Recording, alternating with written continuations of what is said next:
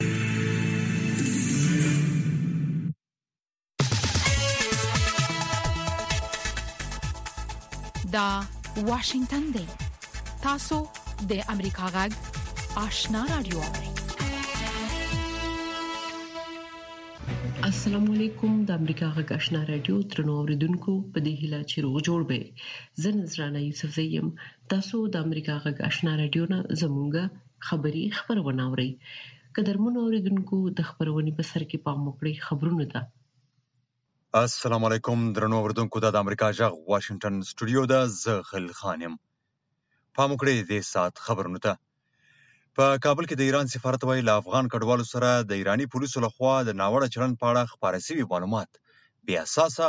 او ناسم دي په دې وروستیو کې په ټولنیزو رسنیو کې له افغان کډوالو سره د ایراني پولیسو لخوا له زورزیاتي څخه ډکې ویډیوګانې خپرې شوې دي خو د ایران سفارت د یادو ویډیوګانو خپرېدل د دواړو هیوادونو په اړیکو کې د فتنې او د سیسې د رامنځته کولو هڅې بللي دي. په کابل کې د ایران سفارت پرون د یکشنبې په ورځ په یوې اعلامیې کې ویلي چې په ټولنیزو رسنیو کې له افغان کډوالو سره د ایراني پولیسو لخوا د زورزیاتي څخه ډکې ویډیوګانې د افغانستان او ایران د اړیکو خرابولو په هدف خپرې شوې دي. په ایران کې یو شمېر افغان کډوالو ویلي چې تېره اونۍ د ایران په مشهد ښار د امام رضا په روضه کې پر یو روحاني له برید څخه وروسته نه یوازې د ایران څخه په زور د افغانانو ایستل ډېر شوی، بلکې په دغه هېواد کې د افغان کډوالو د ځورولو پیښې هم ډېرې شوې دي. په همدې حال کې د طالبانو حکومت د کډوالو او ستنېدونکو چارو وزارت وايي، په روانه میاشت کې څه باندې څلرویشت زره افغان کډوال له ایران څخه په زور ایستل شوي او یا په خپله خوښه هېواد ته ستانه شوي دي. د ایران د بهرنیو چارو وزیر وايي چې واشنګټن د دوه زره پنځلسم کال اټومي تړون د بیا عیاه کولو په باب په خبرو کې نوي شرایط نافذ کوي. د ایران دولتي رسنۍ ایرنا د بهرنیو چارو وزیر حسین امیر عبدالهیان له قوله لیکي، د بندیزونو د لرې کولو په مسئله امریکایان دې ته لېواله دي چې د خبرو اترو د چوکاټ د باندې نوي شرایط وړاندې کړي. د ایران د بهرنیو چارو وزیر حسین امیر عبدالهیان ویلي دي چې د امریکا د متحدو ایالاتو ولسمشر جو بایډن دې د ایران د اټومي تړون د بیا احیا کولو په ترڅ کې د ښه نیت په توګه پر ایران باندې ځینې بندیزونه ختم کړي. ښاغلي عبدالحیان پرون د یکشنبې پر ورځ وویل، که ښاغلی بایډن چې تل د ښه نیت خبره کوي، د ښه نیت په توګه دې په خپل اجرایي فرمان سره ځینې بندیزونه لغوه کړي، ایران د نړۍ د ځواکمنو هېوادونو سره له شاوخوا یو کال راهیسې په ویانا کې د دوه زره پنځلسم کال د اټومي تړون د بیاعیه کولو لپاره خبرې اترې کوي. دا تړون ایران نه پرېږدي چې خپل اټمي پروګرام قوي او اټمي وسلې ترلاسه کړي. د امریکا مخکني ولسمشر ډونالډ ټرمپ په دوه زره اتلسم کې په یو اړخیز ډول له دغه تړون څخه امریکا وایستله او سملاسي یې پر ایران ځینې نور بندیزونه هم ولګول. ایران هم له هغه وروسته وویل چې د تړون ژمنو ته متحد نه دی او د خپل اټمي پروګرام قوي کولو ته یې بیا مخه کړه. په ویانا کې دا خبرې چې ویل کېدل خپل وروستي حد ته رسېدلې وې، ځنډېدلې دي. تهران او واشنګټن یو بل تورنوي چې په خبرو کې د پاتې اختلافاتو د حل لپاره یې ضروري سیاسي پرېکړې ونه شوای کړای. د پاکستان پارلمان صدراعظم عمران خان ته د نه باور د رایې ورکولو او لرې کولو وروسته به نن د دوشنبې په ورځ شاوخوا دوې بجې نوی صدراعظم وټاکي. د پاکستان د لوی سیاسي مخالف ګوند مسلم لیګ نواز مشر شهباز شریف خپل ځان نوماند کړی چې د دغه هېواد راتلونکی صدراعظم شي. د پارلمان چارې به نن د دوشنبې په ورځ یوولس بجې پیل شي. د پاکستان په تاریخ کې عمران خان لومړی صدراعظم شو چې د شنبې په شپه په پارلمان کې هغه ته د عدم اعتماد رایه ورکړل شوه او هغه د واکه لرې کړل شو. د اپوزیشن سیاسي ګوندونو د هغه د لرې کولو لپاره ایتلاف کړی و، خو ښاغلي عمران خان له ولسمشر څخه وغوښتل چې ملي اسمبلۍ منحل کړي چې د هغه د لرې کېدو لپاره په پارلمان کې رای اچونه ونه سي او همداسې وسول خو د اسمبلۍ د منحل کېدو وروسته سترې محکمې د سیاسي مخالفینو او حکومت لخوا د قضیې له اورېدو وروسته دا کار غیر قانوني وبله او اجازه یې ورکړه چې په پارلمان کې باید د عمران خان د عدم اعتماد لپاره رای اچونه وسي. د امریکا د متحدو ایالاتو ولسمشر جو بایډن به نن د دوشنبې په ورځ د هند د صدراعظم نریندرا مودي سره څو اونۍ وروسته له هغه خبرې کوي چې ښاغلي بایډن پر اوکراین باندې د روسیې د پوځي یرغل په غبرګون د هند دریځ متنزل وګاڼه. هند تر اوسه پر اوکراین باندې د روسیې د پوځي یرغل له محکومولو ډډه کړې او حتی د روسیې د یرغل د محکومولو لپاره د ملګرو ملتونو د عمومي اسمبلۍ په رایه اچونه کې ممتنع رایه ورکړه. سره له دې چې د هند حکومت ویلي چې د اوکراین په بوچا ښارګوټي کې د روسیې د ځواکونو په واسطه د ملکي خلکو د وژلو د ادعاو په خاطر امیکن خواشینی شوی. د روسیې د بهرنیو چارو وزیر سرګي لاروف چې د اپریل په لومړیو کې په نوي ډیلي کې د هند د صدراعظم نریندرا مودي سره وکتل، د اوکراین د جګړې په اړه د هند چلند وستایه. سپینې ماڼۍ ویلي چې د اوکراین د جګړې په اړه د بحث سربېره د اسیا اقیانوسه د سیمې د امنیت، د کرونا وبا او د اقلیم د بدلون کړکېچ به د دواړو مشرانو د بحث عمده موضوعګانې وي. د اوکراین چارواکي وایي چې هېواد یې د روسیې ځواکونو پر ضد د هېواد په ختیځ کې مهم جنګونو ته تیاری نیسي. دا په داسې حال کې ده چې زرګونه ملکیان د روسیې د اتمي برید د ویرې په تېښته دي. د اوکراین په ختیځ ښار کراماتورسک کې د توغندیو په یو برید کې چې د اورګاډي په یو تمځای کې وشو، د جمعې په ورځ دو پنځوس کسان وژل شوي وو. د اوکراین څارنوالي ایرنا وینډي ډیکټووا وویل چې د کیف ښار په شاوخوا سیمو کې دوولس سوه دوه ویشت د مړو جسدونه پیدا کړي دي. د ملګرو ملتونو د مهاجرینو اداره وايي چې د فروري د څلورویشتمې راهیسې چې کله روسیې په اوکراین برید وکړ، څلور اعشاریه پنځه میلیونه کسان د دغه هېواد څخه تښتېدلي دي. د اوکراین چارواکي هغه سوړو ته اجازه نه ورکوي چې په پوځ کې دنده ترسره کولی شي، نو له دې وجې نوي په سلو کې د هېواد څخه وتلي خلک ښځې او ماشومان دي.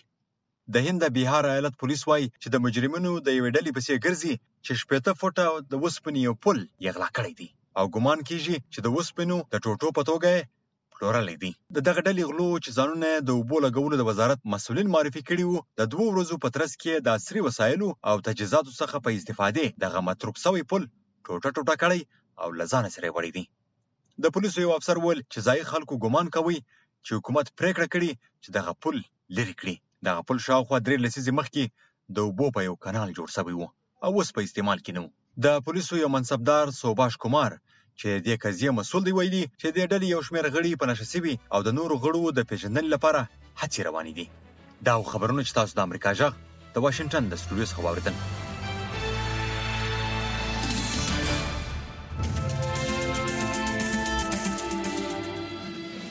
د امریکا غږ آشنا رادیو درنو اوریدونکو تاسو کولای شئ د امریکا غږ آشنا رادیو خبرونه په منځنوي سپو 12 شپږ نوي او 902 کیلو هرتز او لنډې چپې 11515 باندې واوري د امریکا غږشنا رادیو درنو اوریدونکو تاسو خبرونه واوریدل په موکړی زموږه د خبرونې لومړی رپورت ده د سیاسي چارو یو شمېر افغان کارپوهان وايي، فکر کوي پاکستان کې د حکومت بدلون به د افغانستان په اړه د دغه ملک په سیاست چندانې اغېز ونه کړي، دا ځکه چې د افغانستان په اړه سیاست تر ډېره د پوځ له خوا اداره کېږي. اکرام شینواري رپورټ رالیږلی. د پاکستان د پارلمان غړو د شنبې په شپه ناوخته صدراعظم عمران خان ته د نه باور رایه ورکړه چې ورسره د هغه حکومت ړنګ شو. ټاکل شوې دوشنبې په ورځ به د پاکستان پارلمان نوی صدراعظم وټاکي. د چارو یو شمېر افغان کارپوهان په پاکستان کې سیاسي بدلون د افغانستان په چارو بې غیزي نه ګڼي خو وایي چې دا سیاسي بدلون به د افغانستان په اړه د پاکستان په سیاست کې د ډیر بدلون سبب نشي د سیاسي چارو یو کارپو شاهزاده مسعود وایي د پاکستان پوز په تیرو څه باندې څلور لسیزو کې د افغانستان په اړه د دغه هیواد سیاست اداره کوو او سم پوز د افغانستان په اړه د پالیسۍ جوړولو او تعقیب مسولیت په غاړه لري زما په اند باندې خو په پاکستان کې د حکومت بدلون به د افغانستان په مسایلو باندې ډیره اغیزه ونه کړي ځکه چې د څلور رسیزه را په دی خو د افغانستان په قضایاو کې تر ملکی ادارې نظامی ادارې رول ډیر مهم ده فکر کوم هغه د پخوا په شان به هغه پالیسی لکه چې په څلور لسیزه کې په مخ وولې ده زه داسې خاص توپیر نه وینم چې کوم خاصه اغیزه به ولري. د سیاسي چارو یو بل کارپوه قاضي محمد حسن حقیار وایي چې په پاکستان کې د حکومتونو بدلون تر اوسه د افغانستان په اړه د دغه هیواد په پالیسۍ چندانې اغیزه نه لرله. د افغانستان په اړه د پاکستان سیاست دا سیاسي ګوندونه نه بلکې د پاکستان پوځ ټاکي نو د ملکي حکومتونو په تغییر سره به پاکستان په سیاست کې د افغانستان په اړه کوم ژور تغییر رانشي.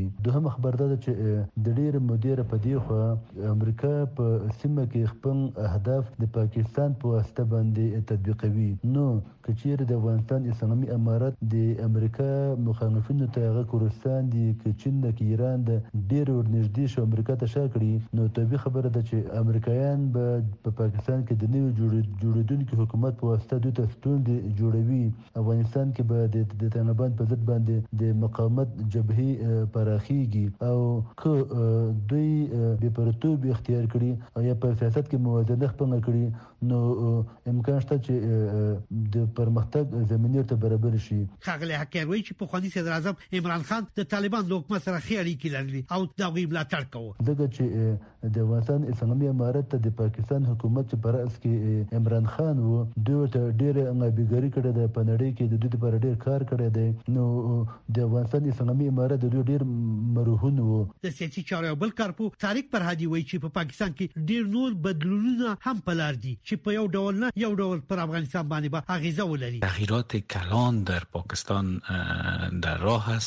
ښاغلي فرهادي وویل، پاکستان کې لوی بدلونونه په لار دي، حتی پالیسۍ او پوځ کې چې څو میاشتې وروسته د پوځ د مشر کاري موده پای ته رسېږي، تغییرات او تبدیلۍ په لارې دي او په دې حالت کې پاکستان نور د طالبانو لپاره معیاریتوب ته مجرا نه لري چې لوی بدلون همدا دی. کلانترین تغییر یې است. خو یو شمېر نور افغان کارپوهان وایي چې په پاکستان کې سیاسي بې ثباتي ممکن له افغانستان سره د دغه هېواد سوداګریزو چارو او د کډوالو د وضعیت په ګډون په ځینو مسلو اغېزې وکړي. د طالبانو د اسلامي امارت ویاند او د اطلاعات او فرهنګ وزارت مرستیال ذبیح الله مجاهد رسنیو سره په خبرو کې پاکستان کې سیاسي بدلون د دغه هیواد کورنۍ مسله ګڼلې او هیله ښودلې چې دا بدلون به په افغانستان کوم اغیزه ونه لري عمران خان په 2013 میلادي کال کې د انتخاباتو په نتیجه کې د صدر اعظم په توګه وټاکل شو او درې کاله وته میاشتې د پاکستان د صدر اعظم په توګه د کار وروسته تیر شپه د حکومت د سیاسي مخالفانو د اطلاع لخوا د نه باور درې سره مخ شو او د صدر اعظم څوکۍ له لاسه ورکړه د امریکا جغ آشنا رادیو ډیرو درنو اوریدونکو سر لنن څخه د امریکا جغ آشنا رادیو خبرونه په نو څپو خبريږي په منځني صفه 1290.0 په لاندو څپو 11000 پنځه سوه او پنځه اویا اعشاریه صفر او نهه سوه او دوه اویا کیلو هرتز د امریکا جغ آشنا رادیو اوریدلای شئ.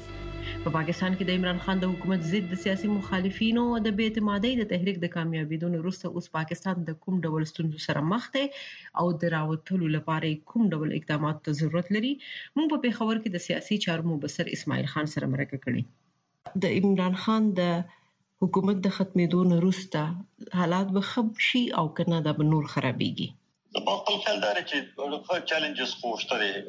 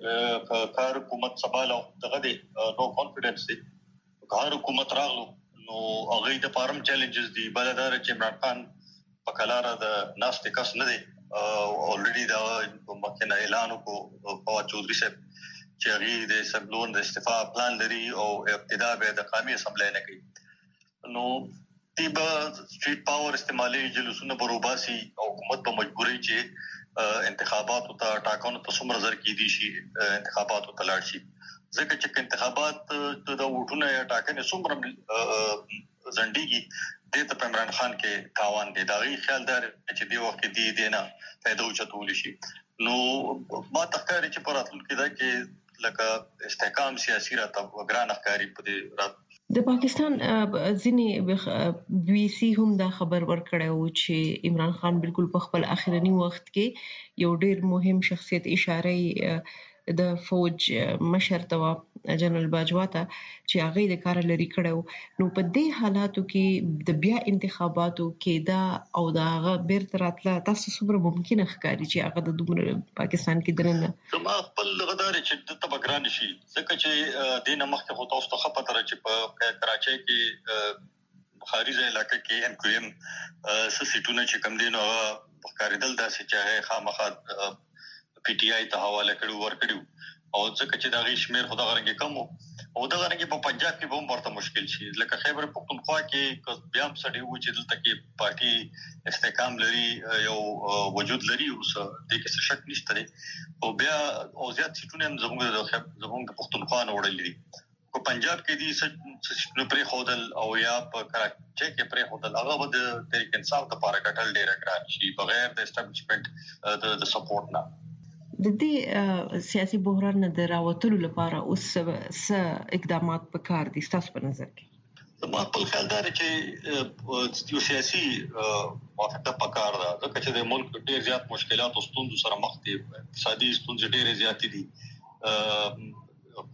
د ډیفالټ خبره روانه ده چې دیوالي شي معاش معیش معیشت ډیر زیات خراب دی تر څو پورې موافقه نه شوي غکیږي نه خو د بده مرغه دا دی چې اوس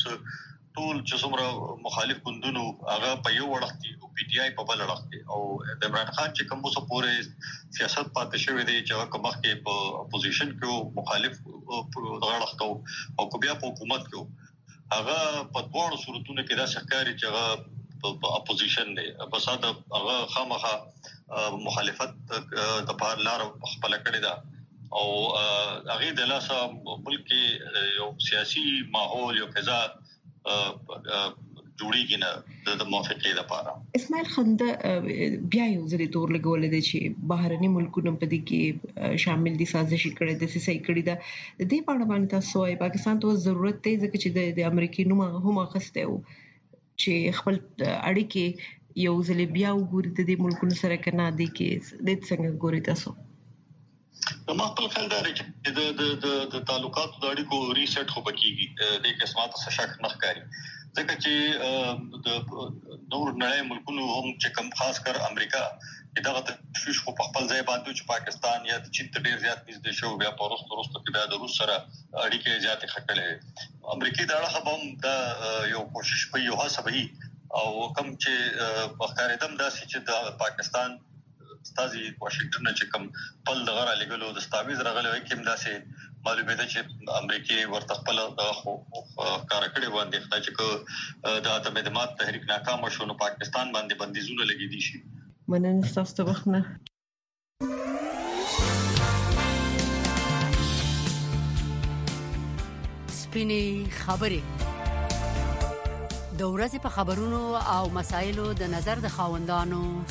سپینې خبرې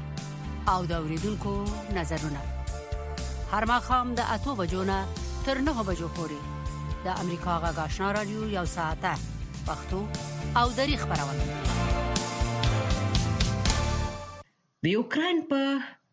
کريماتورسک ښار کې د ريل ګاډي په تمځای په راکټي بريد کې د ښځو او ماشومانو په شمول څه باندې پنځوس کسان وژل شوي دي، پام وکړئ دې رپورټ ته. د اوکراین په کرماتورسک ښار کې د ریل ګاډي په تمځای د راکټي برید په غبرګون کې ولسمشر جو بایډن په ټوئیټر لیکلي د اوکراین د ریل ګاډي په تمځای برید یو بل وحشتناک ظلم دی چې روسي تر سره کړي هغه ملکي وګړي په نښه کوي چې هڅه کوي ووځي او امن ځای ته ولاړ شي. د امریکا د دفاع وزارت وايي، د ریل ګاډي په تمځای برید په روانه جګړه کې د روسیې د وحشت یوه برخه ده. تاسو په خپله رپوټونه ولیدل چې ستاسو ګڼ شمیر همکارانو له سیمې څخه راپور ورکړی چې ملکي تلفات پکې وو. په دې جګړه کې دا د روسیې د وحشت او د ملکي تلفاتو مخنیوي په برخه کې د دوی بې پروايي ده چې د ملکیانو د ساتلو په برخه کې درواغ وايي. د راپورونو پر اساس په دغه برید کې لږ تر لږه پنځوس کسان وژل شوي دي. د اوکراین ولسمشر ولودیمیر زیلینسکي د کرماتورسک ښار د ریل ګاډي په تمځای کې د درې سوه کسانو د ژوبل کېدو خبر هم ورکړی دی او ویلي چې دغه برید ښيي چې دښمن هیڅ حدود نه پېژني. هغوی خلک په مزایل باندی ولی شواهد او ویډیوګانی شته دی د مزایل پاتی شونی شته دی خو هلته نور خلک نشته دی. یو خبریال چې دا ویډیو یې اخیستې ده د راکټ د لګېدو شاهد و.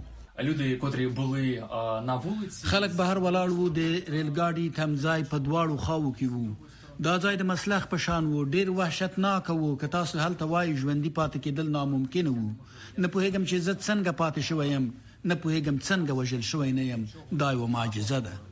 روسیې په دې راکټي برید کې لاس لرل رد کړي دي، ویلي چې د توچکا یو په نوم راکټونه یوازې د اوکرایني ځواکونو له خوا کارول کېږي، خو پوځي کارپوهان وايي چې روسیه د دې ډول وسلو زېرمه لري. هغوی په دوامداره توګه د جګړې په جریان کې کارولي دي، په ځانګړې توګه په دونباس کې د یاغیانو تر کنټرول لاندې سیمو کې یې هم کارولي دي. د شنبې په ورځ د روسیې د دفاع وزارت هغه تصویرونه خپاره کړل چې پکې لیدل کیږي روسي جټ الوتکې لا هم په اوکراین کې یو شمېر پوځي تاسیسات په نښه کړي. بلخوا د اروپايي کمېسیون مشره اورسلا فون دیر لاین او د دغه کمېسیون د بهرنۍ پالیسۍ مشر جوزف بورل د جمعې په ورځ د کیف ښار څخه بهر د بوچا ښار ته تللي وو. دا هغه ځای دی چې اوکراین وايي روسي ځواکونو پکې د ماشومانو په شمول له درې سوو زیات کسان وژلي دي. په بوچا کې موږ ولیدل چې انسانیت له منځه وړل شوی دی. ټوله نړۍ د بوچا له خلکو سره غمجنه ده. فون دیر لاین وویل، دا مهمه ده چې اوکراین د اړتیا وړ وسلې ترلاسه کړي.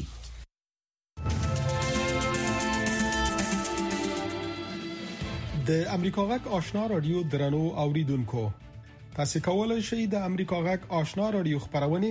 په منځنوي سپو 12 شپږنوي او 902 کیلو هرتز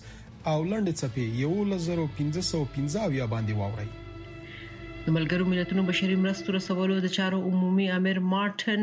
ګریفټس د جنګ ځپلي یوکراین په هغه سیمو کې په محلي سطح د اوربند اعلان غوښتنه کړې ده چې د محاصرې لاندې دي او بند پاتې شوي ملکي اوسیدونکي بشري مرستو ته پکې ضرورت لري لیسا شلاین رپورټ رالیږلی زموږ همکار سید سلیمان شای تاسو ته در اوروي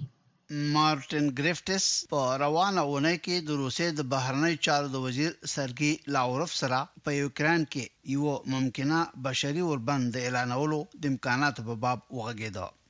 ګریفټ چې د ملګرو ملتونو د بشري چارو او عاجلو مرستو لپاره د دغه نړیوال سازمان عمومي کوارډینیټر دی، د دوشنبې په ورځ یوکراین ته له سفر نه وروسته د راستنېدو په مهال په مسکو کې تم شو او په دې اړه یې د سرګي لاوروف سره خبرې وکړې، خو د روسیې چارواکو سره د موقتي بشري اوربند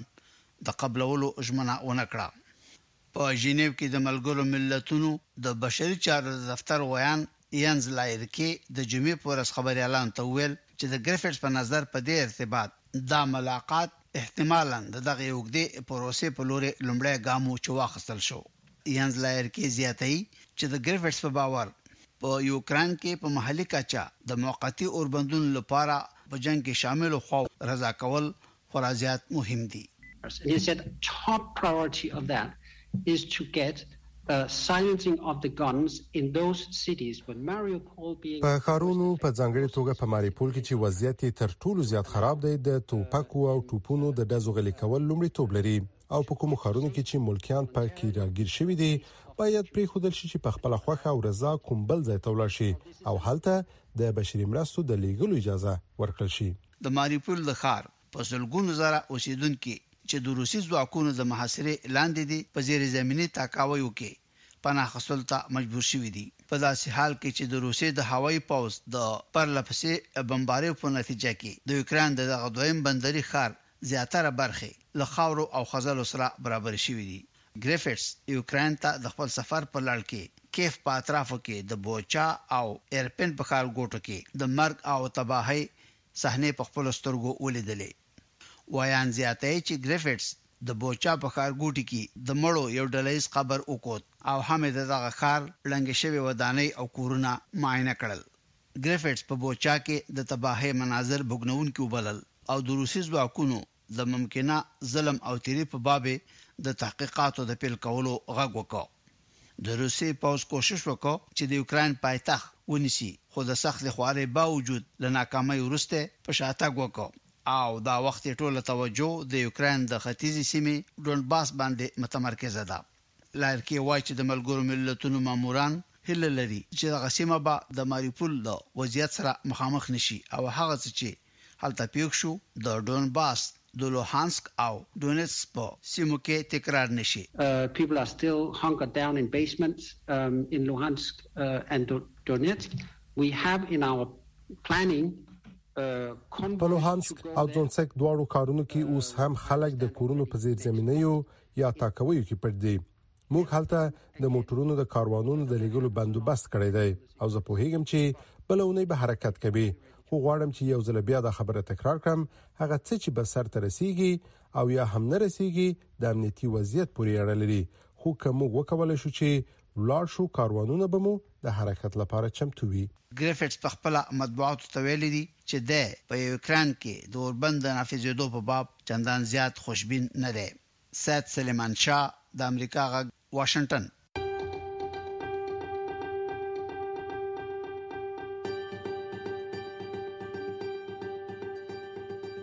کرونا یوه ساري ناروغي ده او مخنیوي لپاره یې لازمه ده چې ټول احتیاطي تدابیر ونیسو، هم ځان وساتو او هم نور. وخت په وخت لاسونه ومینځي د ټوخي او پرنجي پر وخت د سمال او یا څنګل خولې ته ونیسو له کوره به ضرورت بهر ونه وځو او د وټو پر وخت ماسک باندې خلا او پزه پټه دې کې د هر چا صحت خوندي کیږي زه نو شاباش نایم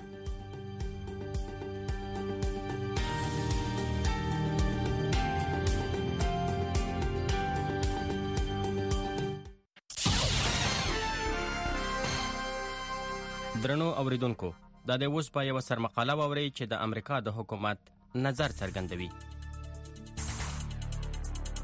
درنو اوریدونکو دا د امریکا غږ سر مخاله ده چې د امریکا د حکومت نظر څرګندوي د عدالت د پروګرام لپاره د امریکا د بهرنیو چارو وزارت په روسیا کې د ډیرا هکر ایو جنی وکټورو وچ اګلیټ کیخ په باره کې د معلوماتو د ورکولو لپاره جایزه ورکوي. دا لومړی ځل دی چې دا عدالت یا آر ایف جې لپاره د خپلې مهمې بنیادي جایزې د ورکولو له مخې یو خاص سایبر اکټر په لست کې شامل شوی دی. آر ایف جی چې د ډیپلوماتیک امنیتي خدمت له خوا اداره کیږي د داسې معلوماتو لپاره د لسو میلیونو ډالرو پورې جایزه ورکوي چې په نتیجه کې د ګټکښ یا د بل هر کس هویت یا ځای ځایګی معلوم شي په داسې حال کې د یو خارجي دولت په لارښوونه یا د کنټرول له مخې عمل کوي مرسته یا مرسته کول د کمپیوټر د جعلي او ناوړه عمل نه سرغړونه ده په دې کې د امریکا د مهمو بنیادي کارونو په خلاف د سایبر د بدنیتۍ په فعالیتونو کې برخه اخیستنه شامل ده د کمپیوټر پروګرام کوونکي ګلټ کیخ د 2018 کال د می او سپټمبر د میاشتو ترمنځ د روسیې د دفاع د وزارت د څیړنې د یو مخکښ سازمان لخوا استخدام شو او د دسیسه کوونکو ملګری د امریکا نه بهر د یوې تصفیه کوونکې خونې سیستمونه هک کړل او داسې وایلی پکې کې خدای چې هدف ورنه له فعالیت کولو نه د تصفیه خانې د محفوظو سیستمونو مخه نیول دي. د دوه زره او اتلسم کال د فبروري او جولای د میاشتو ترمنځ دسیسه کوونکو په امریکا کې د عینې تصفیهيي خونو څېړنه وکړه چې یو امریکايي شرکت یې څښتن دی او کوشش یې ناکام شو چې د امریکايي شرکت کمپیوټري سیستمونه هیک کړي. ګلټکیخ د سایبر دغه بدخوا یرغلګر فعالیتونه وکړل د روسیې د دفاع وزارت د کیمیا او میخانیک د ساينټیفیک مرکزي انسټیټوټ د یو کارکونکو په حیث په دغه پرمختیايي مرکز کې د نورو د سیسه کونکو سره یو ځای کار کاوه د دغې جایزې د ورکولو د نورو معلوماتو لپاره مهرباني وکړئ د عدالت لپاره د جایزې ویب سایټ ته په دې ادرس https://rewardsanofferjustice.net تللی شي په 1800 په 1940 کال کې د ار ایف جې پروګرام پیل شوې ده له هغه وخت نه را په دې خو دغه پروګرام په درسته نړۍ کې 200 میلیون ډالر څخه باندې سلو کسانو ته ورکړي دي چې د اقدام وړ معلومات یې برابر کړي دي چې د تروریزم په مخنیوي کې مرسته کړې ده، تروریستي مشران یې د عدالت منګولو ته سپارلي دي او د امریکا ملي امنیت ته مخامخ ګواښونه حل کړي دي. درنو اوریدونکو دا و د امریکا غږ سرمقاله چې د امریکا د حکومت نظر څرګند کړ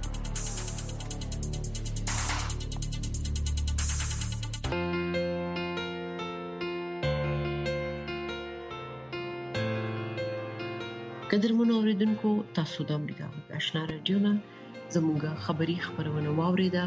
موږ تاسو نه په دې هیله اجازه غواړو چې خبرونه به اوریدلې وي د خوده په امان